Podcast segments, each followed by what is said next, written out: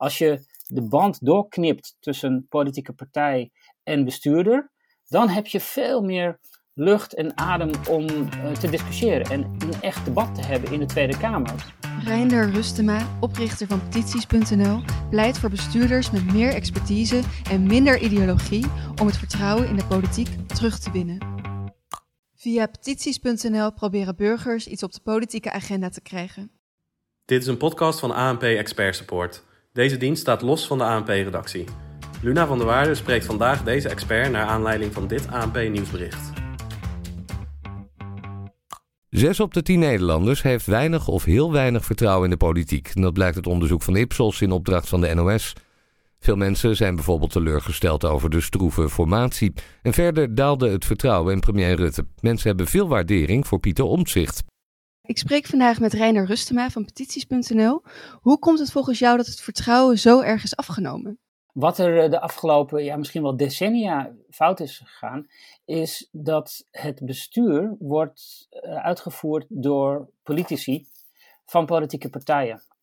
En toen er grote ehm, bestuurderspartijen waren, ging het allemaal goed. Maar nu met steeds meer uh, ja, opgeleide, geëmancipeerde kiezers, heb je een heel divers landschap. En kan niet iedereen zich meer daarin vinden. En dan heb je een bestuur wat uh, uitvoert wat bepaalde politieke partijen willen. En ja, dat, daar is geen discussie over. Het lastige is dat dat ook heel moeilijk is met deze huidige meerderheidscoalities. Als je de band doorknipt tussen politieke partij en bestuurder, dan heb je veel meer lucht en adem om uh, te discussiëren en een echt debat te hebben in de Tweede Kamer, waar iedereen zich in kan herkennen en waar je vertrouwen in kan hebben. Ja, en hoe ziet dat er dan concreet uit, die band doorknippen?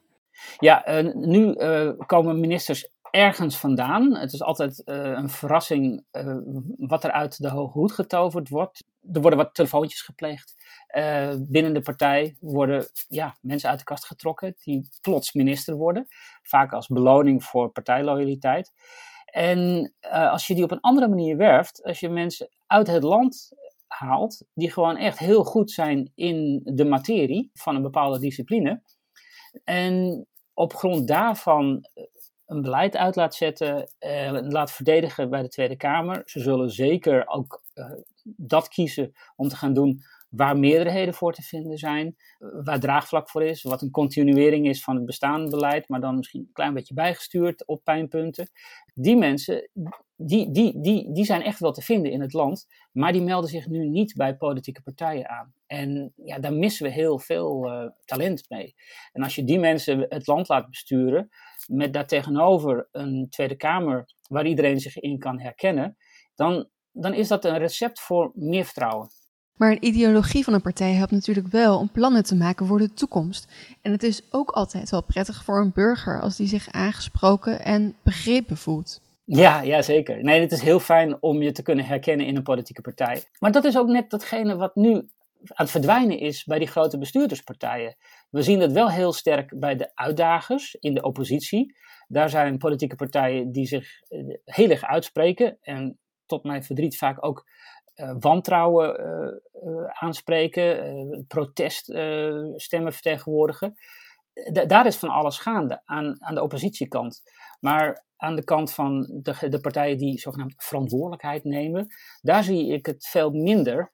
Uh, want ze zijn allemaal met marketing gimmicks en campagne voeren uh, bezig om te vechten om die stem in het midden. Maar daar verdwijnt de kleur. En je ziet het ook met uh, omzicht, die, die bij het CDA is, is afgesplitst als voorbeeld. En andere afsplitsers. Ja, die, die kunnen zich niet meer herkennen in hun ideologie. Uh, dat wordt verwaterd. En ja, dat, dat, is, dat is ook niet wat, wat mensen willen. Men wil, men wil zich kunnen herkennen in een, een P van de A of een CDA of een uh, D66 of wat dan ook. Die niet ja, de identiteit aan het verlogenen is alleen maar om dat spelletje om de macht. Want dat is een heel cynisch spelletje. Vorig jaar was het vertrouwen juist uh, toegenomen. Is het helemaal omgooien van dit bestuurssysteem dan eigenlijk wel nodig om dat vertrouwen terug te winnen? Nou, ik, ik zou het ook niet zozeer willen presenteren als het omgooien van een systeem, omdat uh, er hoeft geen enkele wetswijziging voor door te doorgevoerd te worden. Het is een, ik denk eerder een logisch vervolg uh, van een koers waar we al naartoe zijn gegaan. En er is nu sprake van een minderheidskabinet. Uh, dat gaat een stukje die kant op al, alleen nog niet ver genoeg. En als we daarin blijven hangen, dan kunnen we misschien weer terugvallen naar oude routines. We moeten nu doorzetten naar, naar deze ontwikkeling, zodat er een, een nieuwe fase aanbreekt waar meer mensen zich in kunnen herkennen. En jij houdt je in je werk ook bezig met burgerparticipatie. Is dit dan ook een onderdeel daarvan? Of op welke manier zouden burgers daar meer betrokken bij kunnen worden? Ja, burgers nu kunnen zich weinig laten horen, alleen bij de stembus. En in de tussentijd uh, leeft er heel veel in het land aan kennis, ideeën, uh, kritiek, uh, et cetera. En als dat op een onderwerp is, dan snijdt het vaak ook dwars door politieke partijen en ideologieën heen. Omdat het, ja, het onderwerp vraagt erom. Ja, wat dat betreft moet de Tweede Kamer ook veel ontvankelijker zijn voor wat er uit het land komt. En nu is dat vaak juist weer heel moeilijk door de huidige situatie met de coalitie die van alles op slot zet en oppositie die alleen maar tegen de, coalitie, tegen de coalitiepartijen zijn. Eh, dat is niet vruchtbaar. Als uh, burgers gehoord moeten worden, dan moet dat anders. En dan zullen bijna automatisch partijen ook op zoek gaan naar hun eigen burgers, hun eigen achterban die ze dan ook faciliteren en verwelkomen en omarmen. In plaats van dat ze merken dat ze opgeslokt worden in een marketingverhaal en eigenlijk alleen maar lid moeten worden van een partij om een carrière binnen die partij af te leggen. En niet als gewoon brave burger voor een goed uh, nestgevoel. Je bent natuurlijk oprichter van petities.nl. Hoe wordt daar vanuit politiek op gereageerd of op petities in het algemeen? Petities zijn heel verschillend. Sommige petities die, uh, die hebben een enorme impact en die slaan om zich heen en die worden heel groot en die, die worden op hun piek gelijk uh, beantwoord door de Tweede Kamer, omdat het duidelijk is dat het leeft in de maatschappij. Andere petities slaan totaal niet aan, of die hebben net de verkeerde toon, of niet goed georganiseerd, of wat dan ook. En die blijven onder de radar. Uh, en er zijn ook kleine petities die eh, nauwelijks zichtbaar zijn via de journalistiek, maar die wel effecten hebben op het, uh, op het beleid. Ja, dus petities die worden, als ik met de petitionaris meega naar de Tweede Kamer, vaak dankbaar in ontvangst genomen, omdat het voor Kamerleden een moment is waarop ze eventjes echte burgers zien waar ze, ze altijd zo blij van worden. Dus tijdens werkbezoeken en bij uh, het overhandigen van petities, dan zien ze nog eventjes echte burgers. En de rest van, van de tijd zijn ze opgeslokt in allerlei partijoverleggen en uh, besprekingen in de Tweede Kamer. En dan komen ze weinig in contact met, met burgers, behalve dan uh, via sociale media en, en de inbox van hun e-mail. Dus er wordt ook echt wel wat mee gedaan. Uh, ja, als je met een goed verhaal komt en je huiswerk hebt gedaan en je petitie overhandigt en toelichting geeft, dan kan je vaak ook merken dat je opgevoerd wordt in, in een vraag aan de minister van gisteren sprak ik nog een burger die zei dat en dan, wordt dat gebruikt om uh, de minister te controleren of op het spoor te zetten van het een of het ander. En dat kan soms uh, grote gevolgen hebben. Ja. ja, dus dat is ook al gewoon een vorm van burgerparticipatie. Ja, een hele legitieme ook, want die bestaat al eeuwen, zelfs al voor dit hele uh, huidige politieke bestel. En dan wil ik toch weer even terug naar het uh, nieuwsfragment.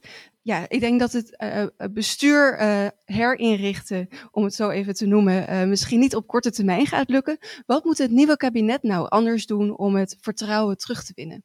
Ik zou het nieuwe kabinet willen aanbevelen om zich minder ideologisch op te stellen. En rekening ermee te houden dat je met een hele Tweede Kamer van doen hebt. Met allerlei verschillende achtergronden, wensen en ideeën. En de manier is om daar ja, gehoor aan te geven. Om in ieder geval te laten merken dat iedereen gehoord is. En dat je niet gaat doorstomen op grond van het feit dat je 75 plus 1 uh, Kamerleden achter je hebt uh, verzameld. Dat zet de andere helft tegen je op. Dat werkt heel polariserend. Dus wat dat betreft zou een, een minderheidskabinet een, uh, een, een, logische, natuurlijke tussenstap zijn. En heb jij er vertrouwen in? Ik vraag me af wat de dynamiek van het minderheidskabinet zelf teweeg brengt. Omdat die ministers, die zouden wel eens eh, ja, de fout kunnen maken om zich bijvoorbeeld heel erg als CDA of VVD-politicus op te stellen. Om uh, bij de volgende verkiezingen sterker, groter uh, uit de verkiezingen te komen. En dat is juist niet wat we nodig hebben. Je moet juist respecteren dat er heel veel verschillende mensen zijn en heel veel uh, verschillende ideologieën. Zo, zoveel als er partijen zijn in de Tweede Kamer, dat denk ik niet. Ik denk niet dat er ruimte is voor 19 of 20 verschillende ideologieën. Maar je moet wel respecteren dat er niet één partij is, of twee of drie. Nee, uh, er zijn er best veel. En ja, het hoort bij de moderne tijd dat er heel veel aanbod en verschil is. Dat, moet, je, dat moet je faciliteren en, en vieren, eren. En dat zie ik nu te weinig. We gaan het zien uh, wat, uh, wat de toekomst ons brengt. Dankjewel, Reiner Rustema. Alsjeblieft. Deze en andere experts staan in de database van ANP Expert Support. Ga voor meer informatie naar anp.nl/slash expertcast. Dit is een podcast van ANP Expert Support. Deze dienst staat los van de ANP-redactie